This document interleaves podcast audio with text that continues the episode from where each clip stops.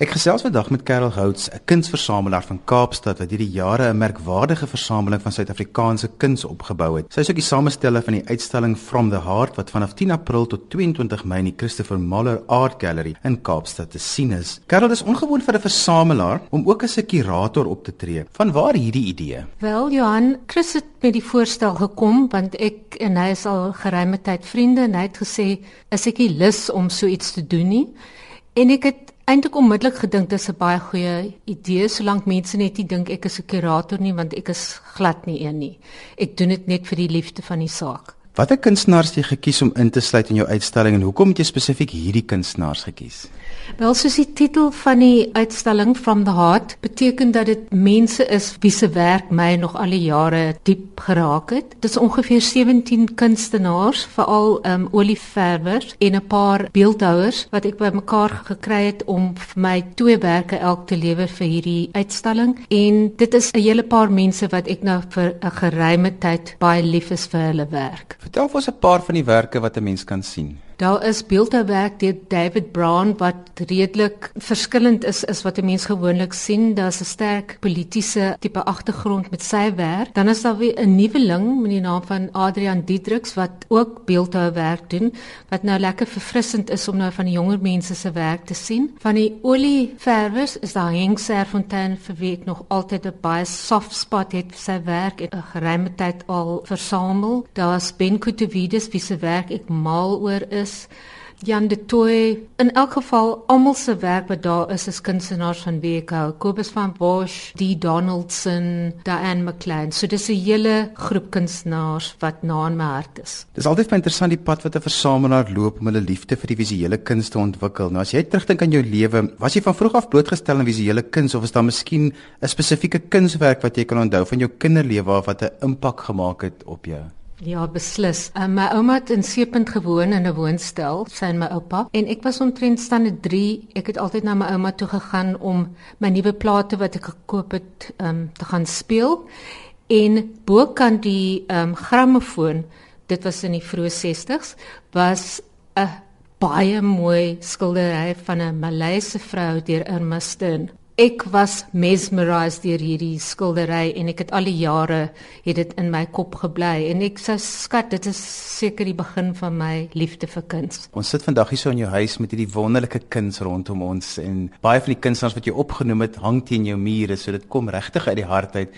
Kan jy onthou watter kunswerk jy heel eerste gekoop het? Ja, ek kan en eintlik hang dit nie nou op die oomblik in my huis nie want ek ruil soort van my kuns om, maar dit was 'n Amos Langdon skilderye, olieverf skilderye wat gekom het net na die tydperk van die brein kokon waar hy soort van bekend geraak het. Ehm um, dit was die heel eerste groot olieverf skildery wat ek ehm um, gekoop het. Kan jy onthou wat deur jou kop gegaan het die dag toe jy voor daai skildery gestaan het en besluit ek gaan hierdie skildery koop? Dink dit het baie met 'n mens se mood te doen. Dit was nogal 'n triestige skildery van hierdie twee fris vissersvrouens wat huis toe stap en dit was my by daardie dag wat net gevoel het ek connect met hierdie werk. As 'n mens begin kuns koop baie keer dan koop 'n mens omdat iets jou net met jou in gesprek tree. Het jou strategie van versamel en kuns koop verander soos wat jy al hoe meer begin versamel het en wat jou um, kennis begin verdiep het? Ja, ek is seker dit het, maar ek moet erken ek het geen strategie met kuns koop nie. Ek koop waarvan ek hou en as ek dit kan bekostig en ek moet sê as mense my nie werke laat afbetaal het oor die jaar nie, sou ek definitief nie gehad het wat ek het nie. Ja, my smaak het verander, maar ek ruil gedurig my skilderye om in die huis sodat ek weer eens met nuwe oë na na die werke kan kyk. Ek het so 'n bietjie deur jou kunswerke gestap en een van die temas wat my baie sterk uitstaan is die figuratiewe werke wat hier is. Is dit iets wat jy spesifiek baie van hou? Ja, ja, beslis. Ek, ek hou verskriklik baie van portraits. Ek hou ook van werke wat die die landskap en ou opstalle of huise of plekke wat 'n tipe nostalgie in 'n mens wakker maak. En jy sal sien daar is baie sulke werke in my huis en ek word nie moeg daarvoor nie. Nou daar's 'n baie bekende aanhaling wat sê here indeed lies the whole miracle of collecting for it is invariably on self that one collects. Stem jy saam met hierdie stelling? Glo jy ook dat die versameling tot 'n tot 'n mate iets van jouself en jou geskiedenis vergestel? Ja, miskien doen dit tog wel. Ek is 'n boerejood en ehm um, my ma se sterk Afrikaanse kant en my pa se Joodse kant het nou redelike goeie kombinasie gemaak sodat ek hou van al twee die agtergronde en ek dink daar is heelwat werk wat dit miskien weer speel of ek dink in elk geval so ek weet nie of ander mense so dink nie maar ja Ek volg jou op Facebook en ek sien baie keer dat jy meestal lewende kunstenaars en lewende kontemporêre kunstenaars versamel. Is daar 'n rede vir? Ek glo dat daar wonderlike kunstenaars is wat alreeds dood is. Daar's so baie goeie kunstenaars is wat lewe en hulle doen dit voltyds in hulle uh, voer bestaan daaruit.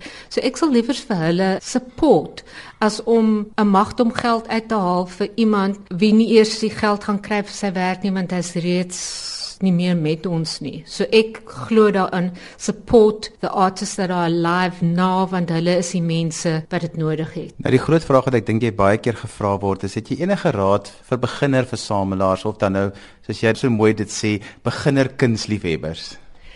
Die enigste raad wat ek het is koop met jou hart. Moenie koop wat mense vir jou sê o, oh, dit gaan 'n goeie ehm um, belegging wees nie. Ek het nog nooit kuns gekoop as 'n belegging nie. Die feit dat dit wel dalk beleggingswaarde het is obvious, maar koop met jou hart en as jy regtig iets wil hê, sorg jy dat jy dit kry. Werk iets uit met die persoon uh, wie dit verkoop of met die kunstenaar, betaal dit af doen iets maar moenie laat dit deur jou vingers laat glip nie want jy gaan eendag spyt wees jy het dit nie gedoen nie.